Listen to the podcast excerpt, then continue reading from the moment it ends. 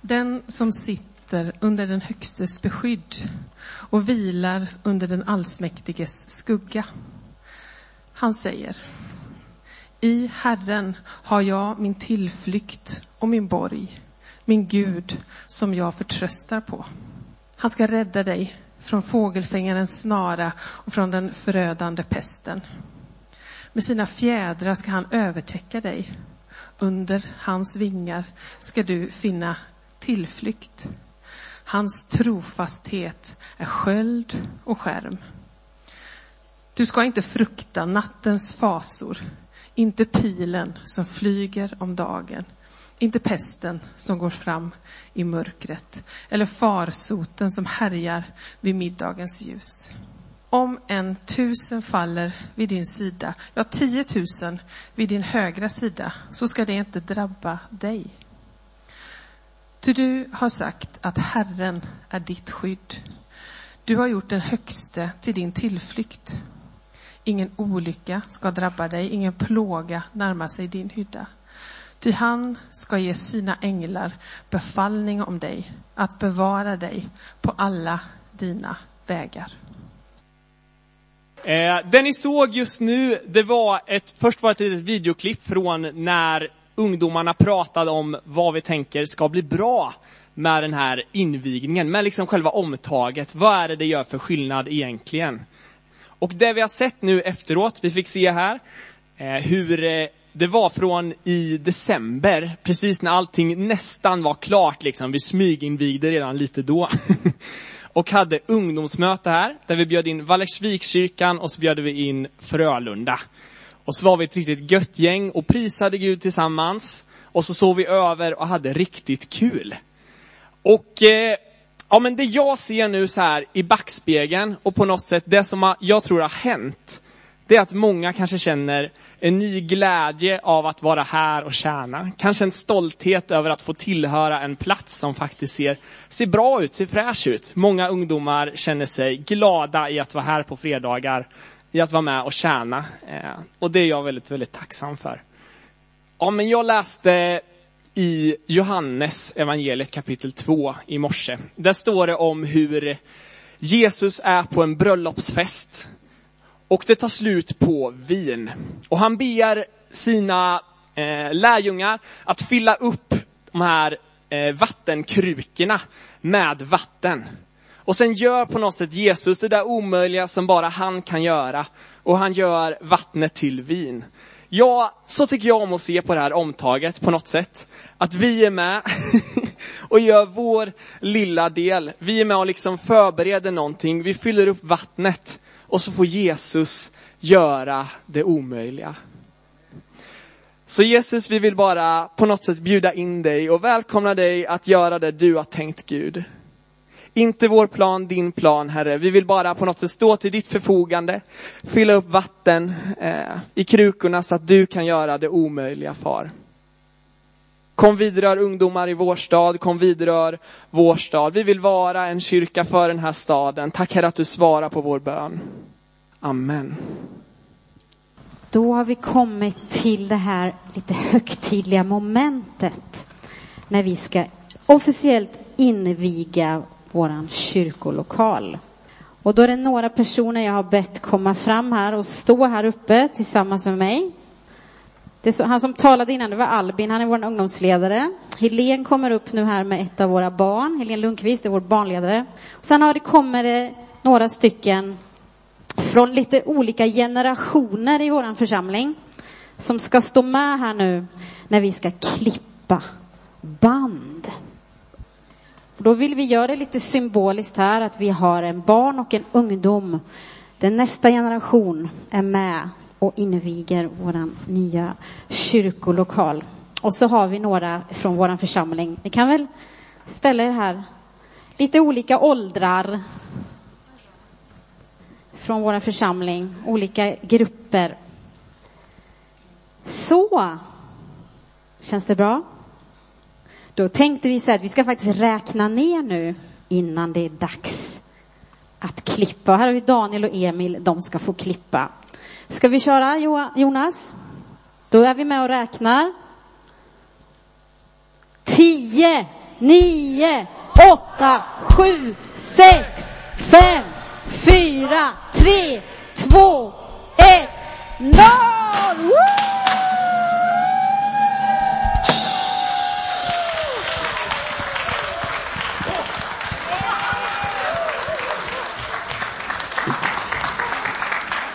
Okej, är ni med nu då? Är Hela gänget. Då får ni, ni vet som jag gör som på mello.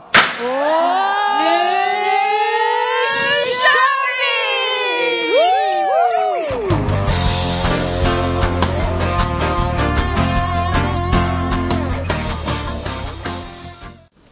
Woo! Wow, vilken fest!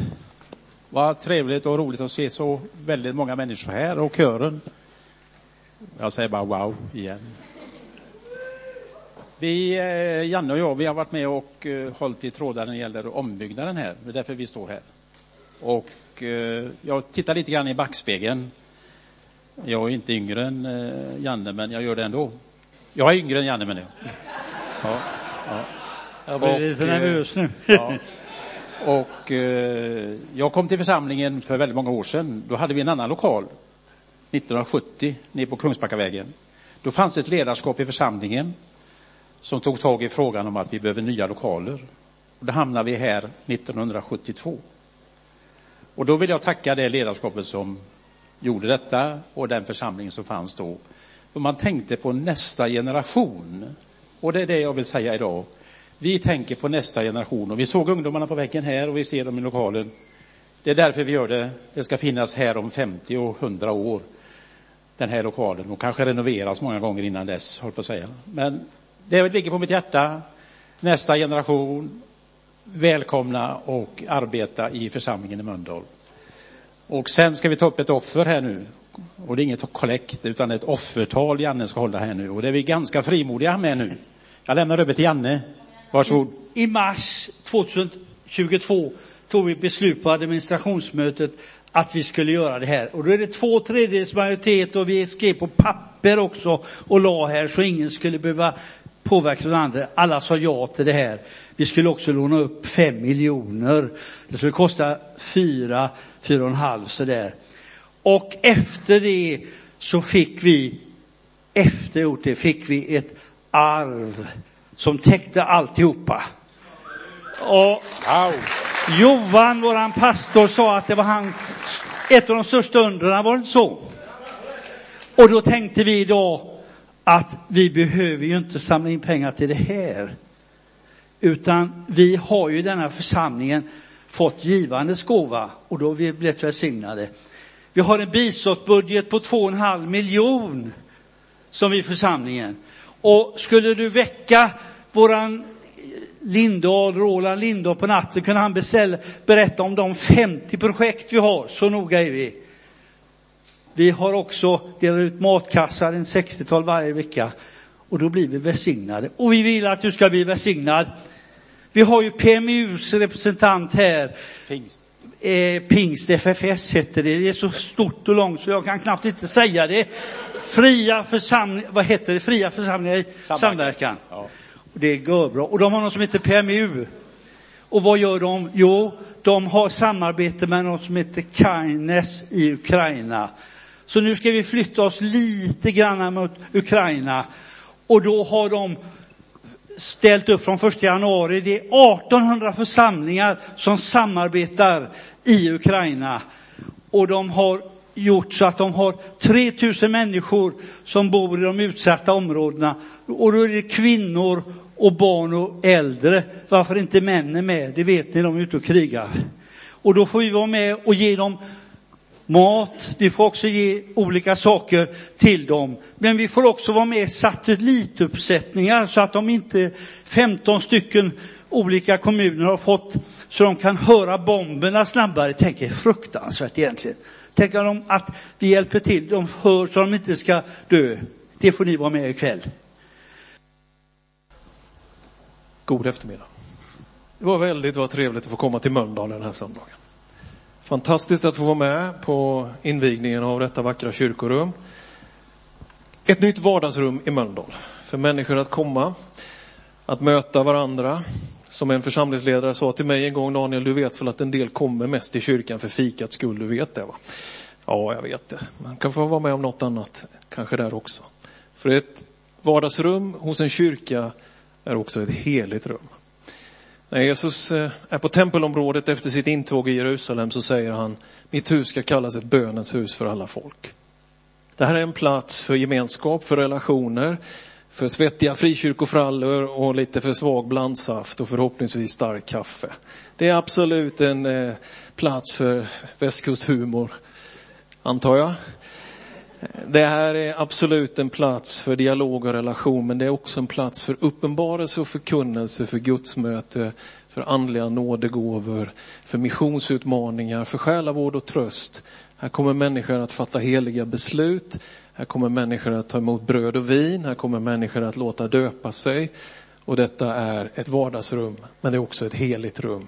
Ett bönens hus för alla folk. Jag vill inte stå och hålla den här hela predikan, så jag tänkte att ordföranden för församlingen här, Mikael Johansson, ska komma fram till mig. Och jag vill som representant då för 439 andra pingstkyrkor i Sverige hurra och jubla och gratulera tillsammans med er. Grattis till ett lyckat projekt, till en varm församling med ett fantastiskt resultat.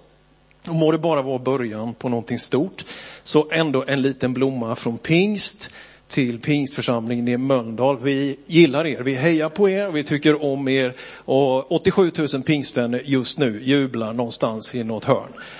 Grattis till detta! Gud välsigne dig och er. Yes. Tack. Och du har, eh, ja någonstans finns eh, vatten till blommorna där. Ja, innan vi ska alldeles strax gå till eh, förkunnelsen så blir det avbrott för reklam. Jag tänkte på det när jag lyssnade till Janne och Göte här, Pettersson och Sennerstam. Jag kände igen min pappa i dem. När jag eh, har arbetat som församlingsledare och pastor så tänkte jag att ja, men när jag har fyllt 50 år och ska skriva en bok om ledarskap. Och så är det ju så att klockan tickar så det blev så att jag fyllde 50 år. Och då tänkte jag, jag måste skriva en bok om ledarskap. Jag satte mig för att eh, hitta lite sådär vision, få folk med sig, sätta mål, hantera konflikter, komma någon vart, strategi och värderingar. Och det var som att tugga på en köpt rulltårta. Ni vet en sån där som fastnar i munnen. Jag kunde inte skriva ledarskap på det sättet. Så började jag tänka istället på min uppväxt. Började tänka på det lilla Philadelphia jag växte upp i.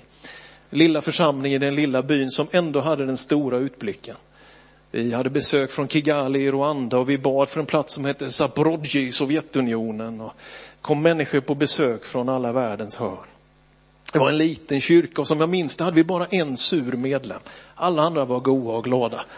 De var som göteborgare då. Ja. De sjöng om himlen, mina mostrar. Och det här, ni, ni ungdomar förstår ju att jag är från reptiltid för att vi hade ju inga smarttelefoner och inte så mycket underhåll, så vi tyckte det var coolt nog när de stod där med sina gitarrer. Du vet man släpper vänster hand så blir det någon slags e-mollackord av något slag. Man bara slår på strängarna. Det var ungefär så häftigt som det var att växa upp i Philadelphia, Björkeby med musiken. Och ändå så var det platsen där jag fick så mycket kärlek och värme. Det var litet, men det var stort. Och mitt i allt det där så fanns min pappa. Jag har skrivit en bok om honom med kon till ledarskap eller egentligen engagemang och den heter Går inte, det måste gå. Och en som blev så besviken på titeln för den är inte särskilt djuplodande. Den handlar om en gång när vår bil inte startade. Pappan skulle putta den upp för garagenedfarten och den enda assistans han fick var från min mamma som sa till pappa, det går inte. Varpå min pappa svarade, går inte, det måste gå. Och av det fick den här lilla boken sin titel. Får jättegärna ta med den om du vill läsa lite om engagemang och kanske inspireras till det. Min pappa, han älskade en lokal församling och han hade varit superglad om han hade fått vara här idag. Och han hade ställt sig först i kön, i varje fall om det finns någon form av sötsaker i närheten. Hörrni, nu skulle jag vilja att vi står upp tillsammans medan vi läser dagens bibelord. Och det kommer inte bli en maratonpredikan med några tankar och ord ifrån evangeliet. Och vi läser ifrån Markus evangeliets eh, sjätte kapitel, verserna 30 till 44, tro på Guds ord i Jesu namn. Apostlarna samlades nu hos Jesus och berättade för honom allt vad de hade gjort och vad de hade undervisat om. Han sa till dem, kom med till en öde plats där ni kan få vara ensamma och vila er lite. Det var så många som kom och gick att de inte ens fick tid att äta. De gav sig av i båten till en öde plats för att få vara för sig själva. Men folk såg att de for iväg och många fick veta det och de skyndade dit till fots från alla städerna och kom fram före dem. När Jesus steg ur båten såg han en stor skara människor. Han förbarmade sig över dem, för de var som får utan herde och han undervisade dem grundligt. Timmen var redan sen när hans lärjungar kom till honom och sa platsen här är ödslig, timmen är redan sen, skicka iväg dem så att han kan gå till gårdarna och byarna här omkring och köpa sig något att äta. Men han svarade, ge ni dem att äta. De frågade honom, ska vi gå och köpa bröd för 200 denarer och ge dem att äta? Han sa till dem, hur många bröd har ni? Gå och se efter. De tog reda på det och sa, fem bröd och två fiskar. Då befallde han att de skulle låta alla slå sig ner i gröngräset i skilda matlag och de satte sig ner i grupper om hundra eller femtio. Och han tog de fem bröden och de två fiskarna, såg upp mot himlen, tackade Gud, bröt bröden och gav åt sina lärjungar för att de skulle sätta fram åt folket. Han delade också ut av de två fiskarna åt dem alla och alla åt och blev mätta. Och man plockade tolv korgar fulla med brödbitar och fisk. Det var 5000 män som hade ätit. Tack Herre att du är här just nu. Tack för ditt ord. Tack för varje person i det här rummet. Tack för att du älskar oss. Tack att du har skapat oss. Tack för liv i dig. Tack för att det alltid finns en ny chans. Det finns upprättelse och du är en Gud som ser till våra behov. Tack för den här kommunen, den här staden. Tack för församlingen. Tack för andra kristna sammanhang. Tack för alla som ber till dig i Mölndal. Tack att du vill göra också saker i våra liv i detta nu. Som vi hörde i sången här, ett ord ifrån dig. Jag behöver det, vi behöver det. Det är den verkliga maten för vår själ. Att höra ditt ord. I Jesu namn. Amen. Varsågod och sitt ner. Om du har vuxit upp i kyrkans värld så har du väl hört den här berättelsen mer än en gång. Kanske du har spelat med i något drama och fått vara den här lilla grabben med fem bröd och två fiskar. Och du har hört den och den är en av de mest klassiska evangelieberättelserna om hur Jesus agerade. Caset som är här, det är att de tolv har varit ute på uppdrag. Jesus verkar ha en förkärlek för att sända ut människor två och två. Och de har varit ute och de har predikat och de rapporterar, de berättar vad de har varit med om. Och när de kommer tillbaka så drar Jesus slutsatsen, de här de behöver vila. För med mig bort till en öde trakt så att ni får vila er lite. Det är ju något i det de berättar som gör att Jesus verkar tänka, de behöver en ledig weekend. De behöver få åka på retreat eller spa i Galileen. Det blir, de behöver käka baklava och få dricka espresso. De behöver få koppla av det. Jag ser, du vet, pingstpastorer ser mycket i bibeltexterna så att det är något åt det hållet i alla fall. Följ med mig bort till en ödetrakt där ni får vila er lite. Det här är för mig en information om att kyrkans herre, den troendes mästare, församlingens grund, är inte en slavdrivare. Som ständigt vill kräma ur det sista droppen och som vill att vi ska ge och ge och ge. Utan han ser till vad vi också behöver som är troende, som är en del av församlingen. Följ med mig bort till en ödetrakt så att ni får vila er lite. Jag vet, för en del så blir kyrkan ett maskineri, tron blir krystad och man vet inte hur man ska formulera sin bön. Och man har vuxit upp kanske i ett sammanhang eller kommit in i det i vuxen ålder. Och så ganska snart så kan man fundera över, är det vi som försöker uppfinna Gud eller är det han som verkar i oss? Är det vi som ska skapa mötet och är det vi som liksom hela tiden ska producera andlighet, tro, kyrka och kristendom? Men verkligheten är ju den motsatta. Det är Gud som verkar i de här tolv och också i sin kyrka idag. De är aktiva, de har ett uppdrag, men det är ändå Gud igenom dem. Det är det här fantastiskt fascinerande, förunderliga och lite svårfångade med den kristna gemenskapen. Att den är bräcklig för vi är så vanliga människor och de här tolv är väl exempel på det. Två brorsor skickar fram mamma för att förhandla om en bättre plats. Vi vet att om man får in Thomas i en mejltråd så tar den aldrig slut förmodligen. Alltid följdfrågor. Petrus med sitt heta humör, man kunde bli av med ett öra i hans närhet. Vi vet att det var en rätt så komplex, brokig grupp. Men ändå så är det någonting som Gud bestämmer sig för. Jag ska använda det där gänget för mina syften. Det är det fina med kyrkan, att den inte berömmer sig av perfektion utan är till förfogande för Gud och för hans tjänande ut i världen genom sin församling. Gud har en mission, han har en räddningsark, han har ett sammanhang som är församlingen. Ibland har man funderat, hur klokt är det egentligen? Gud borde väl kunna robotisera tillvaron, göra någon slags installation som är permanent så att inte det finns något som kan gå snett. För det går ju lite snett för de här lärjungarna och kanske rent av inte här i Mölndal, men här i Västerås där jag bor så händer det ett och annat liksom fadäsartat i församlingen. Men vi vet att ändå bestämmer sig Gud för att använda människor. Men inte som en slavdrivare utan som en vän. Någon som verkar i och genom och som bryr sig. Det är Jesus Kristus. Och han säger följ med mig bort. Så de beger sig över den här sjön och Genesarets sjö ligger som i en gryta. Kullarna i Galileerna, pastorala idyll med åtminstone delar av året sina, sina gröna slänter. Och allt folket ser detta. Så när de väl är framme, det gick nästan fortare att springa runt än att ro över, så är det massa människor där. De här tolv som är på väg till sin weekend, som har packat väskan och som ska ha en riktigt, riktigt god liksom, helg nu. Helt plötsligt så är det en mängd med folk igen. En massa folk. Och Jesus ser de här. Han bryr sig om sina egna, men han ser behoven. Han ser att de är illa medfarna, de är som får utan herde. Och han ägnar som hela dagen åt att undervisa dem. Och i den här skärningspunkten uppstår kyrkans både behov och samtidigt möjlighet.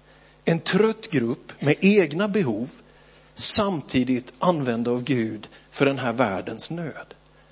Det är någonting fascinerande att när man är svag så kan man ändå vara i funktion.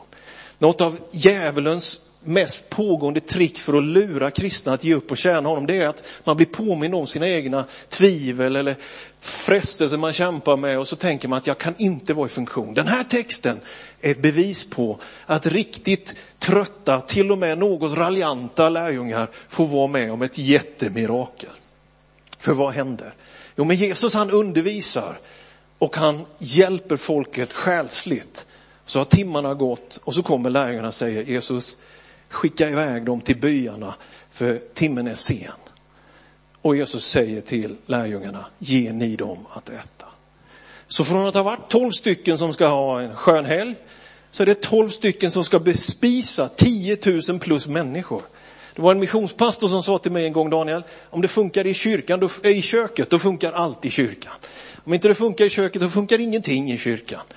Och lärjungarna är väl ett bevis på det. De får ju efter hans uppståndelse besök av de här kvinnorna som har mött en uppstående. De får träffa Emmausvandrarna som har mött en uppstående. De tror inte på det. Men när de väl äter, när blodsockernivåerna hos de här grabbarna är balanserade, då kan de öppna sig för att förstå att det är han. Och det är någonting här som jag tycker är så fascinerande. Att de här lärjungarna, de är ärliga och de bara säger, ska vi ge dem här att äta?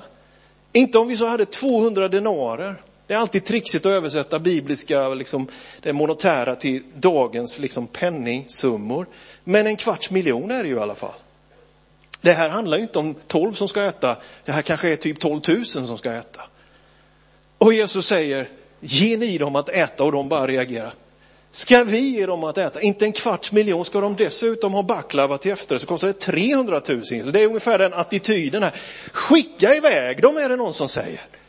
Vet jag, jag var i en församling en gång, det var så mycket barn och ungdom, och så kom en av våra värdar och sa till mig, Daniel, sa det stora problemet i den här kyrkan, det är alla barn, sa. Och han var helt ärlig med det. Vi hade en smågruppsledare en gång som sa till mig, Daniel, ni, ni säger vi ska ta in nya för att församlingen ska växa. Jag ska säga det precis som det är. Vi är fyra par i vår smågrupp. Vi vill inte ha in några fler för vi åker på semester ihop och vi har det hur bra som helst. Vi kommer hit på söndagar och lyssnar på dig predika och vi ger i kollekten, du kan vara lugn, men vi tar inte in några fler i vår grupp. Vi bara vara ärlig med dig. Det är liksom det modet som är här. Och Jesus säger, ge ni dem att äta jag är ute efter i denna enkla predikan, det är att även om du har egna behov som han ser och vill möta, så kan du vara i funktion och han kan göra mirakel mitt i din svaghet, eventuella trötthet. Jesus frågar, vad är det ni har? John Maxwell, en känd ledartränare, han brukar berätta om en vän som han har. Och han säger att under alla decennier jag har känt honom så har han aldrig kommit tomhänt till våra träffar. Han har alltid någonting med sig. Kanske man får ett, en bok eller någon liten grej som han har med, eller så har han läst någonting och vill dela med sig ett citat.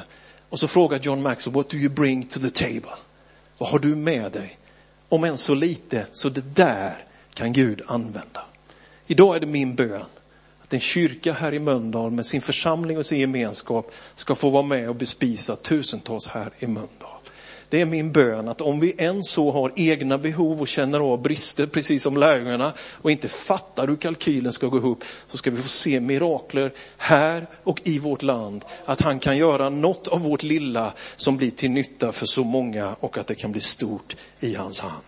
Det finns en dansk filosof som heter Lögstrup och han, han skriver fram en etik i sin etik så kommer han till slutsatsen att människan behöver två insikter för att göra bra insatser i tillvaron.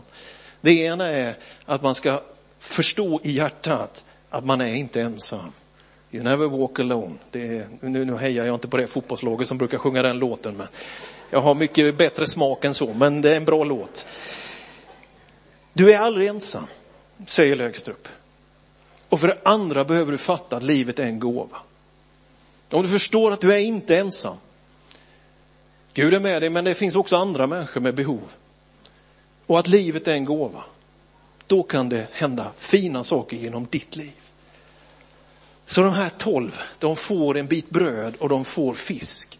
Och de får dela det och gå runt bland de här. Jesus blir ju någon slags cateringledare här. Han talar om hur folk ska sitta, 100 eller 50 och de tar de här fem bröden och de två fiskarna och det växer i deras händer. Det är någonting med kyrkans och det Gudsrikets ekonomi att det går inte att ta och fånga men det går att ge och se att det räcker till mycket mer än vad man hade tänkt. Vi vet att det blev till och med 12 korgar över. Det är en djup symbolik som på något sätt säger att även de tolvs behov fanns där. När du gör något för någon annan så kan du märka det fanns bröd och fisk även för dig själv. I utgivandet och generositeten, att veta att jag är inte ensam, vi måste bry oss om andra, så finns det också en sån dynamik. När Martin Luther King håller sin sista predikan, han gör det i en pingstkyrka i USA, en Church of God-församling. Så han är inne på berättelsen om den barmhärtige samarien. Och han ställer retoriskt frågan att prästen och leviten, ni vet de där som gick förbi den som låg där sårad. Förmodligen tänkte de att vad händer med oss om vi hjälper honom? Jag hinner inte. Är det ett bakhåll? Vad kommer det här att göra? Jag, jag, jag måste dra förbi bara. Men samarien tänkte tanken, vad händer med honom som ligger där? Och jag tror att det här är precis den utmaning som vi kristna står inför i Sverige. Vi är ibland trötta och vi känner av våra egna behov som de tolv. Men Jesus ser att samhället är fullt av illa medfarna människor. Den kyrka och den kristna som ställer frågan, vad ska hända med mig? Vad ska hända med pingströrelsen? Vad ska hända med kristenheten? Kommer att förtvina och dränera gemenskaperna på engagemang och passion för de utsatta. Istället behöver vi, likt Martin Luther Kings predikan, fundera över vad händer med honom och henne som ligger där slagen? Jag växte upp med min pappa som sagt.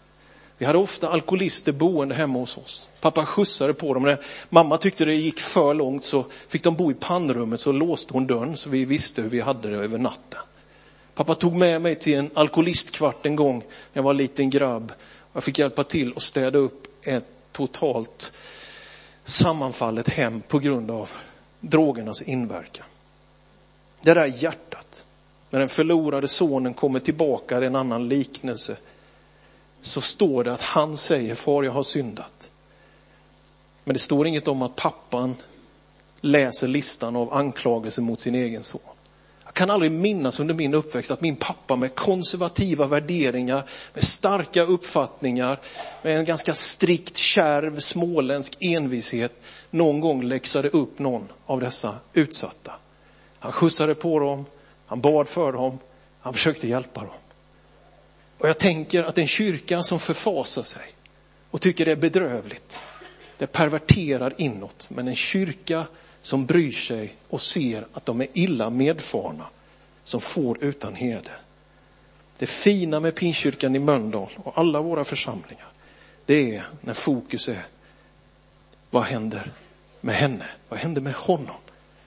Och i det sker ett mirakel när Jesus tar vårt lilla och det räcker till så många. Jag vill bara uppmuntra dig att vara engagerad. Går inte, men det måste gå. Vi kan inte vara de grupper som är hårda när, när samhället bara blir hårdare. När andra stänger måste vi öppna. Må det här vara en plats av generositet och tålamod och barmhärtighet. Och det här var en gemenskap där man kan få höra ett gott ord om att man är älskad. Och att det finns nåd. Och att man kan få göra en comeback i livet. Det är så många som förfasar sig. Ganska få som förbarmar sig. Alla vi människor kommer någon gång i livet att hamna i lägen där vi behöver mer kärlek än vad vi faktiskt förtjänar. Och i det läget en lärjungagrupp, en kyrka, en gemenskap av enkla människor som tror på Jesus ett redskap i hans hand med sitt lilla att ändå dela det och få se att det finns upprättelse för människor. Framtiden är ljus för den som inte är egoistisk och tänker på sig själv. Och den kyrka som ger ut kommer när allt summeras och kvällen kommer att kunna räkna in än en gång Guds trofasthet i form av tolv korgar fulla med bröd och fisk. Ska vi be tillsammans. Tack Jesus att vi får vara burna av dig och bära någonting samtidigt till andra människor. Tack Jesus för den här församlingen. Tack för människor som kommer hit för att be, för att leva och ta del av det som är trons gemenskap. Jag tackar dig för att du ska hjälpa de här tolv att vara öppna för att betjäna tusentals. Vi ber för Mölndal den här eftermiddagen. Vi ber för Storgöteborg. Vi ber för den här delen av Sverige. Tack för vad du vill göra här. Så många människor också här illa medfarna. Tack att vi får tro dig om att du genom oss, all vår enkelhet, att ett vardagsrum och ett kök också kan få vara ett heligt rum där du får göra dina mirakler. Jesus, jag ber, jag ber om uthållighet och värme och generositet, tålamod och barmhärtighet. Det som drev dig till korset må det driva oss ut i gator och gränder och försöka göra något för en människa. I Jesu namn. Amen. Amen.